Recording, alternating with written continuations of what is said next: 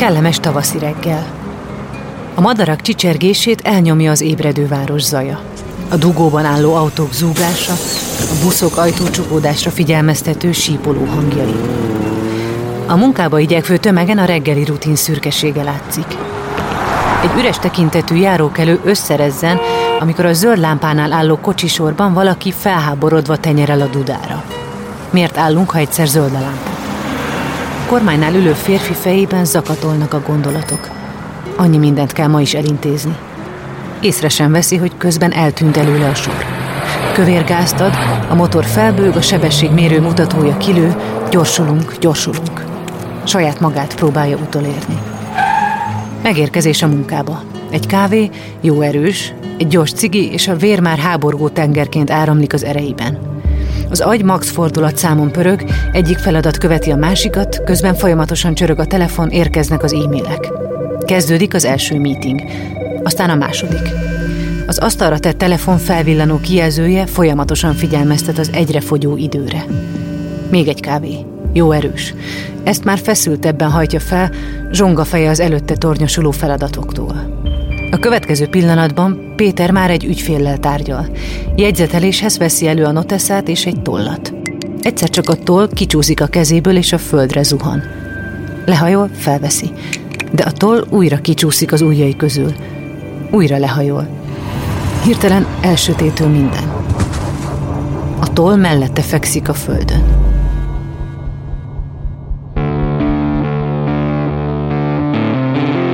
Lovas Rozi vagyok. Ez az Egyszer Lent. Egy podcast azokról, akiknek hatalmas pofont adott az élet. Megjárták a gödör mélyét, de sokkal erősebben másztak ki belőle. Minden élet tele van krízisekkel. Amikor éppen benne vagyunk, könnyen hihetjük azt, hogy ennél rosszabb már nem lehet. Aztán egyszer csak felgyullad a belső fény, megrázzuk magunkat, és megpróbáljuk kihozni az adott helyzetből a legjobbat. Ha azt gondolod, mindennek vége, jussanak eszedbe ezek a történetek. Mindig lehet jobb, ha te is akarod. Rigó Péter egy vagyonvédelemmel foglalkozó cégcsoport vezetője, aki édesapjától vette át a vezetői pozíciót 2019. decemberében. A vállalkozás mellett több projektet is vezetett, amiken felváltva és egyszerre dolgozott a nap 14-16 órájában. A folyamatos pörgés és túlhajszoltság miatt szervezete egyre több jelet küldött, de ő nem törődött ezekkel. Újabb és újabb feladatokba vetette bele magát. De a test egyszer csak megállt parancsol az önpusztításnak. Rigó Péter 2020. április 8-án sztrókot kapott. Miért dolgozunk és hajtunk folyamatosan megállás nélkül, ha nincs idő élvezni az életet? Hová ruhanunk annyira?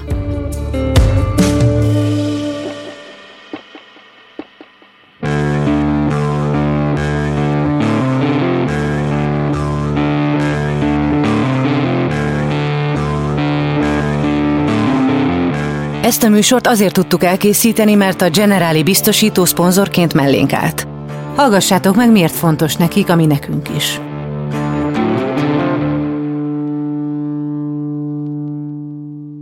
A leggyakrabban a semmiből jön az a bizonyos pofon, ami a padlóra küld. Elveszíted a munkád, a társad, vagy a saját egészséged mondja fel a szolgálatot. Ahányan vagyunk, annyiféleképpen vagyunk rosszul, és annyiféle támogatásra vágyunk. Mi a Generalinál abban hiszünk, hogy empátiával, személyes kapcsolattartással és rátszabott megoldásokkal úgy tudunk segíteni, ahogy neked a legjobb. Azért támogatjuk az Egyszer Lent podcastet, mert tudjuk, hogy ezek a történetek nem csak elgondolkodtatnak, hanem segítenek abban, hogy jobban odafigyeljünk egymásra, és ezzel megelőzhetjük a bajt, vagy csökkenthetjük azok súlyosságát.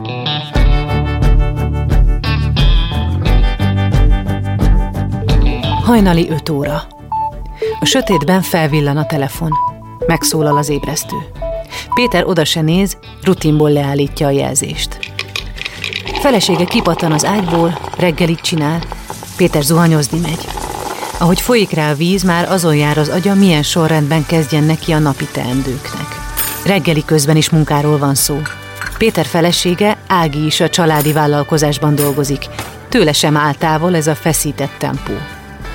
Cégcsoportjuk nagyon széles tevékenységi körrel rendelkezik, így a feladatok mindig új kihívás elé állítják a családot. Én leginkább a biztonsági területen a technikai biztonsággal foglalkozom, tehát kamerarendszereknek a, a telepítése, beállítása, riasztórendszereknek a, a, a programozása, meg a, a, illetve a munkáknak a kiadása. Ez azért érdekes, mert az a biztonságvédelem ez egy nagyon munkaerőigényes üzletág, és mivel munkaerőigényes, ezért ugye kevésbé profitábilis, mint mondjuk egy, egy, egy technikai, vagy olyan dolog, amikor az ember az, az agyával keresné a, a kenyerét, az sokkal jobban megéri. Azért jó ez a biztonságtechnika, mert így ki tudunk váltani az élőrős őrzésben őröket, tehát kevesebb őrrel védünk meg egy területet. Péter édesapja Rigó Erik magánnyomozóként vonult nyugdíjba 47 évesen. Ezután alapította a saját vállalkozását, ami már a több mint 200 embert foglalkoztat. 97-ben alakítottuk a céget együtt, és akkor egy BT, bt volt, ez Derek nyomozóra BT, most is megvan még, de nyomozásra abszolút nem foglalkozik, és akkor elkezdtünk ebbe dolgozni, akkor még nyomoztunk is, hát 97-ben, az első ilyen nagy munkánk az volt, hogy elloptak egy, egy építőipari területről egy munkagépet, és megtaláltuk. Hát, hát úgy találtuk meg, hogy fogtuk magunkat, beültünk az autóba, és körbejártuk az összes építkezés három megyébe. Most ennyi, csak oltári szerencse volt. Oltári És te csak megláttátok, hogy ott, ott áll egy építkezés? Igen, meglát, mindenhol megkérdeztük, hogy ki a gép, hát ott nem tudták megmondani. Ez ennyi, tehát abban az időben nem volt még ilyen GPS, meg ilyen dolgok, tehát abban az időben a magánnyomozás is sokkal drágább volt. Míg nyomozással már egyre kevesebbet foglalkoztak, úgy jöttek sorra az új meghódításra váró területek.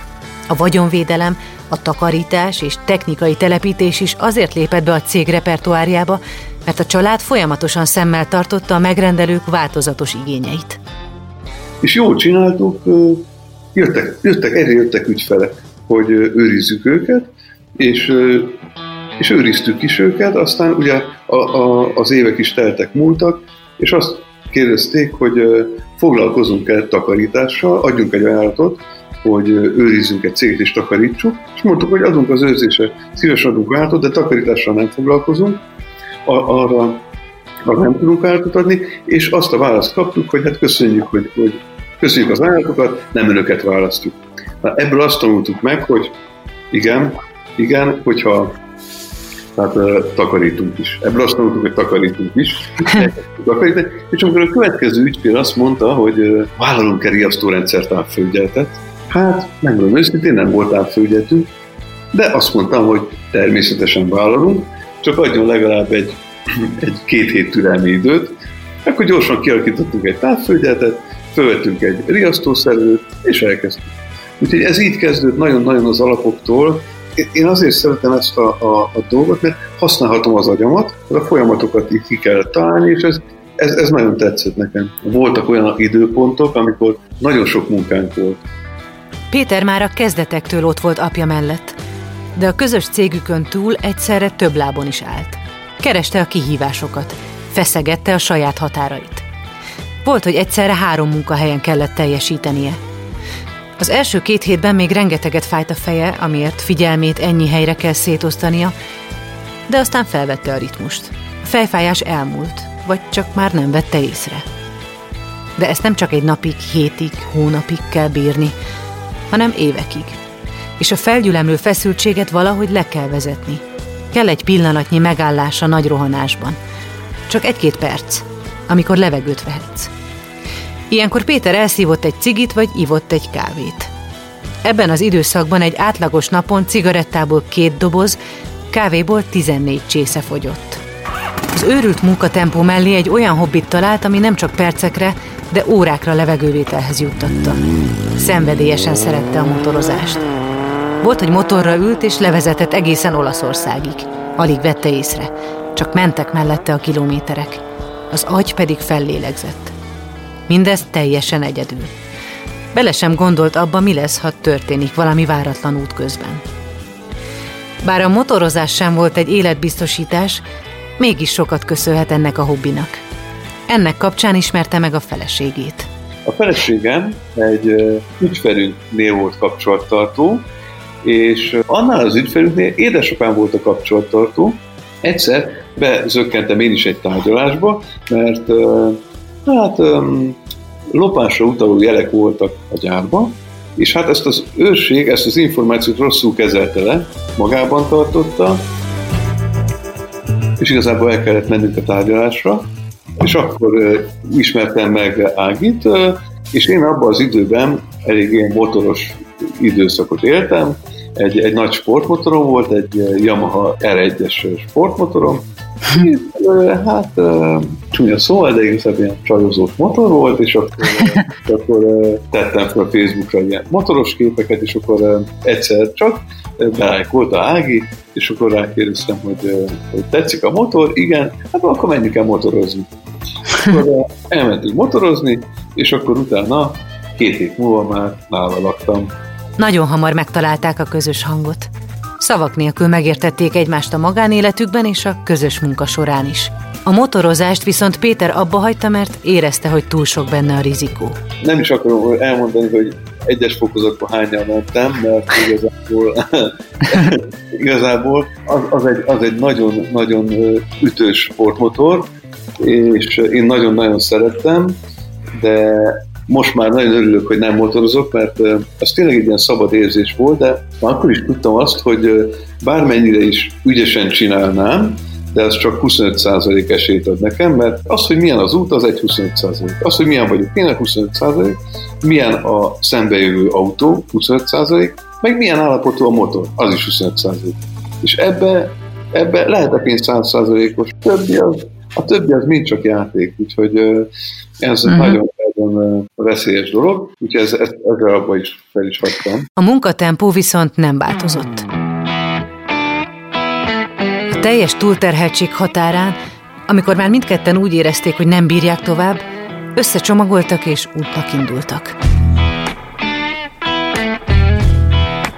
Annyira sokat égettük magunkat, hogy elfárad az ember, és akkor el kellett menni. Három havonta el kellett menni valahova vagy belföldre egy hosszú hétvége, vagy külföldre egy kicsit uh, Európán belül.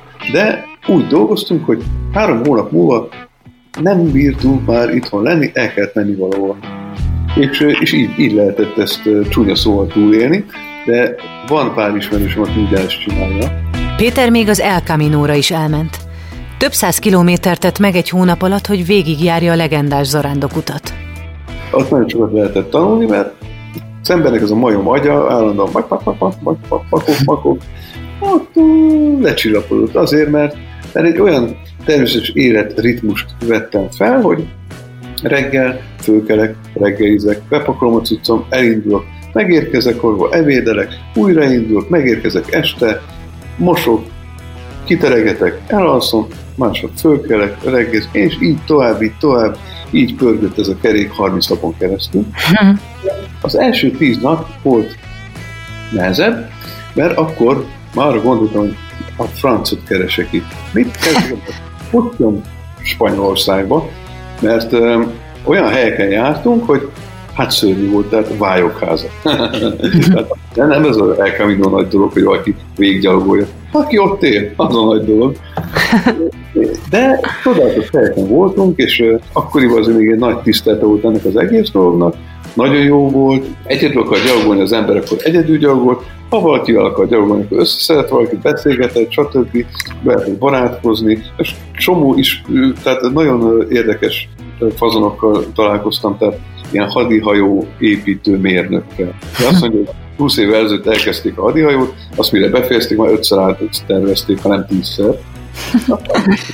volt csavargó, volt drogos, minden, egyetemista, mindenféle. Minden ugyanarra megy az úton, és mind azért megy, hogy majd megérkezzen. Mikor hazajött, azonnal újraindult a mókuskerék. Nagyon hamar visszaállt minden a megszokott rendszerbe. A hosszú éveken át tartó erőltetett menet következménye egyre elkerülhetetlenebb volt, és Péter teste egyre több jelet küldött. Egyre többször érezte magát szokatlanul munka közben. Gyakran megszédült, le kellett ülnie, vagy fel kellett tennie a lábát. De amint jobban lett, folytatta is a munkát. Egyszer kórházba is került a tünetek miatt, ahol egy hétig volt megfigyelés alatt. Amint kijöhetett, gondolkodás nélkül ment vissza dolgozni. De nem lehet a testet következmények nélkül kizsákmányolni. Alig pár hónappal azután, hogy átvette apjától a cég vezetését, 2020. április 8-án Péter szervezette megállt parancsolt. Munka közben összeesett, és két nappal később egy kórházi ágyban tért magához. Fogalma sem volt, mi történt vele. A sorsfordító sztrók után Péter csak lassan értette meg, hogy valójában milyen óriási csoda, hogy még életben van. Az ezt követő időszakot a szünet után mesélem el.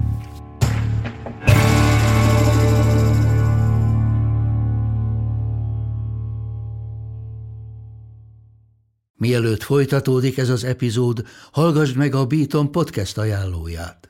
A szavak hihetetlen erővel bírnak. Lehetnek akár alapkövei egy új életnek. Én egy aprófalú cigánytelepén nőttem fel, ahol ahelyett, hogy az esti tábortűz mellett anekdotáztam volna a többiekkel, inkább a holdfényében letűnt korok nagyjait olvastam. Petőfit, Adit, Kosztolányit. Orsós Lajos vagyok, a Pont Elég házigazdája. Meghívlak egy pár perces kikapcsolódásra. Ha szereted az irodalmat, a klasszikusokat vagy a kortárs gondolatokat, akkor tarts velem, mert néha egy pár jó szó pont elég ahhoz, hogy szebb legyen a nap.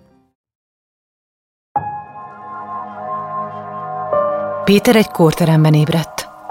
Körülötte nővérek jöttek-mentek.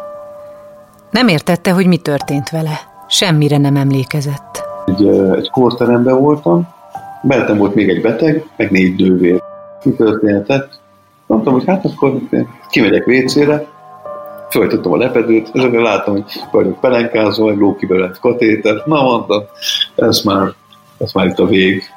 És uh, akkor, akkor csak pislogtam a kórházba, meg nem túl sokat beszéltem, de, de elkezdtem telefonomat nyomkodni, SMS-eket írtam Áginak, akkor aztán visszanézve ezeket az SMS-eket, hogy szörnyek voltak. És De mi, mi, miért voltak szörnyűek? Hát a, a betű elírások, tehát egy, egy olvashatatlan betűkkel. Orvosai tájékoztatták, hogy mi történt vele az elmúlt napokban. Rengeteg vizsgálatot végeztek el, és meg is műtötték. A stroke bekövetkezte után négy órán belül kellett operálni, különben végzetes károsodás szenvedett volna. Ennek a sürgősségi műtétnek köszönheti az életét. Az ébredést követően még két hétig folyamatos megfigyelés alatt tartották. Egy neuropszichológia vizsgálat megállapította, hogy agyának 60-70 százalékát érintette a szélütés. A következő hetekben azonban meglepően gyors tempóban indult el a felépülés.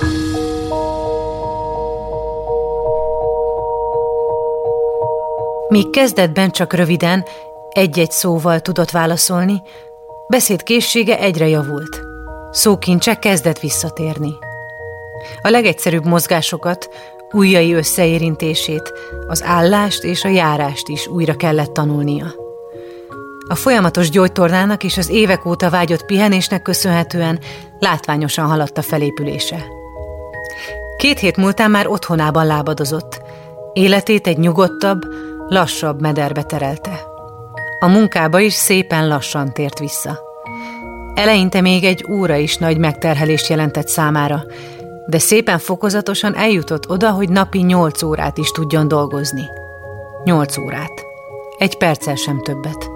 Mivel roncsoltad magadat a leginkább? Mi vezetett ideig? Cigaretta, cigaretta, alkohol, stressz. Ez, ez, a, ez a hármas.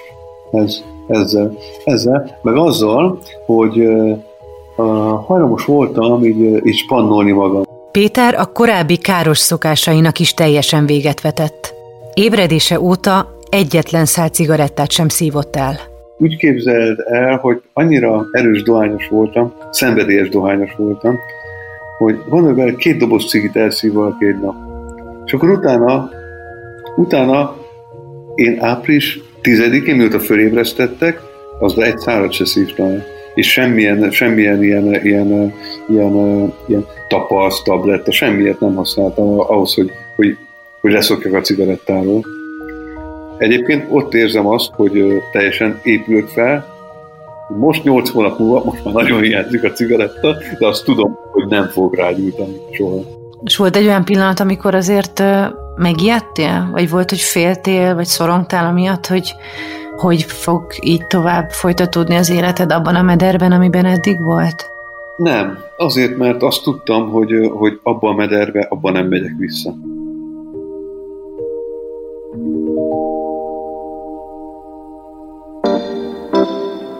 Péter nem csak a káros szenvedélyeket és a túlhajszoltságot hagyta maga mögött, de sok újdonság is érkezett az életébe. Olyan dolgok kerültek figyelme középpontjába, amikre korábban nem volt idő. Ez, ez egy abszolút új rádöbbenés, mert a, a világban ez a tempó, ez nem csak az én tempóm, egy csomó embernek a tempója. Nem, nem csak én, nekem volt három munkám, egy csomó embernek van három munkája az országban. Hajtani kell mindig. De hát miért is kell hajtani? Hát tényleg nem tudunk többet tenni. A kétszer, amit nem fogunk enni soha. És most hogy látod, hogy mi a, mi a fontos az életben? A, a család. A család, a család, a szeretet és a munka. Hát azt mondjuk, hogy a, a munkánk a magánéletünk, meg a magánéletünk is a munkánk. Nagyon jó van ez így. Nagyon jó van ez így, csak most már nem úgy dolgozunk, hogy három hét múlva kiégve el kell valahol rohannunk, hogy egy kicsit kikapcsolódjunk. Mert, mert, mert haza tudunk menni és ki tudunk kapcsolódni. Neked azért kellett ez a stroke ahhoz, hogy ez megtörténjen. Tehát tulajdonképpen, vagy ahogy így mesélsz a, erről az előző életedről, vagy ahogy alakult, meg ahogy a cég kinőtte magát, vagy ahogy élvezted a különböző újabb és újabb kihívásokat, úgy azért neked így egybe volt, vagy élvezted ezt a tempót, meg a motorozással is mindennel együtt, azért ez a te sajátod volt. És akkor jött egy ilyen esemény az életedbe, élvezed ezt az új tempót? Vagy van olyan, hogy hiányzik az, az amikor őrültál, rohantál a munkák után? Az abszolút nem hiányzik. Abszolút nem hiányzik szerencsére, mert az azért volt nagyon érdekes az az időszak, mert én úgy érzem, hogy ez a, ez a stroke, ez egy, egy hatalmas nagy szerencse az életemben, és igen, hogy ez egy, ez egy szerencse, ez egy, ez egy adomány volt, mert ellenkező esetben is biztos, hogy még hamarabb is meghalok. De, de hogyha nem kapok egy ilyen nagy pofont, akkor soha nem változtatom meg. Péter lábadozása alatt rátalált egy Facebook csoportra, ahol egy olyan közösség részévé vált, amiben sztrókon átesett emberek osztják meg egymással saját történeteiket. Érzékenyebbnek érzem magam olyan témákban, hogy érzékenyebben állok hozzá emberekhez, akiknek mondjuk problémájuk van. És uh, igen, igen, igen, igen. Ez, ez mert a stroke csoportban ott töltenek fel videókat, és, és uh, vannak olyan videók, ahol nagyon kicsit tudja mozgatni a, a, a kezét valaki, és azt mondja, hogy ez már két év munkája, hogy ezt meg tudja csinálni. És akkor mindenki tiszta szívből örül, és gratulál neki. Úgyhogy én, én úgy gondolom, hogy az, hogy az agyam három és fél órán keresztül volt oxigén nélkül, és így vagyok most. Ez, ez egy isteni orvosi csoda, és hálás vagyok érte. Évente átlagosan 42 ezer ember kerül kórházba sztrók miatt. 48 százalék azoknak az aránya, akik a betegség bekövetkezése után féloldali bénulásban szenvednek. Évente 14 ezer ember pedig nem éli túl a szélütést. A hallgatóknak javasolnám azt, hogy ha bármi olyat észlelnek először, hogy, hogy kicsit megszédül, hogy egy kicsit jobb, ha leülök, hát kicsit talán fölteszem a lábam, de nincs semmi baj, nincs semmi baj.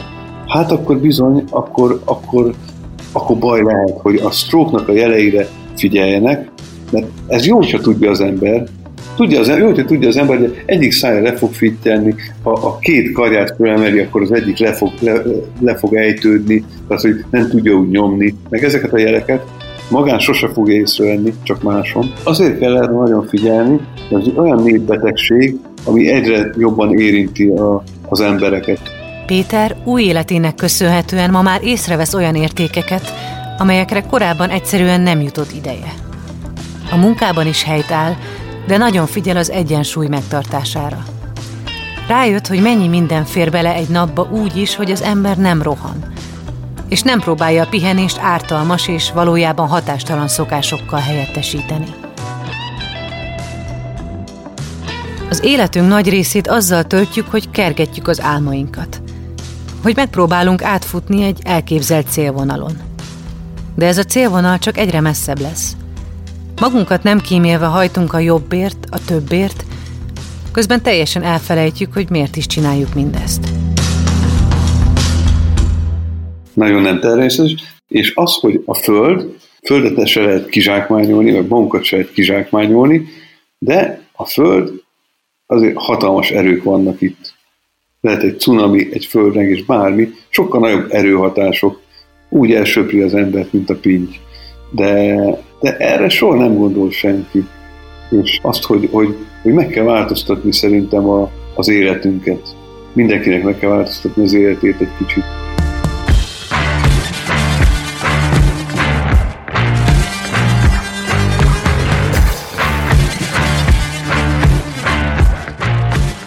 Az Egyszer Lent Podcast második évadának negyedik epizódját hallottátok. Azért indítottuk el ezt a műsort, hogy megmutassuk, minden veremből van kiút. Amikor a legalján vagyunk, lehet, hogy nem látszik, de tehetünk azért, hogy megtaláljuk. Ameddig készül a következő epizód, hallgass meg a korábbi részeket. Az epizód szerkesztője Mihály Kövisára, szövegíró Horváth János Antal, a gyártásvezető Gröger Dia, a zenei és utómunka szerkesztő Szűcs Dániel, a kreatív producer Román Balázs, a producer pedig Hampuk Rihárd volt. Lovas Rozit hallottátok. Két hét múlva újabb történettel jövök.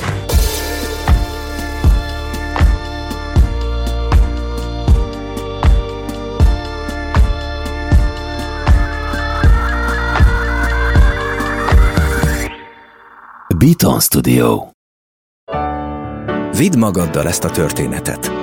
Ha van lehetőséget, kerüld el a bajt. Ha pedig már benne vagy, ne feledd, minden gödörből van kiút. Generali. Érted vagyunk.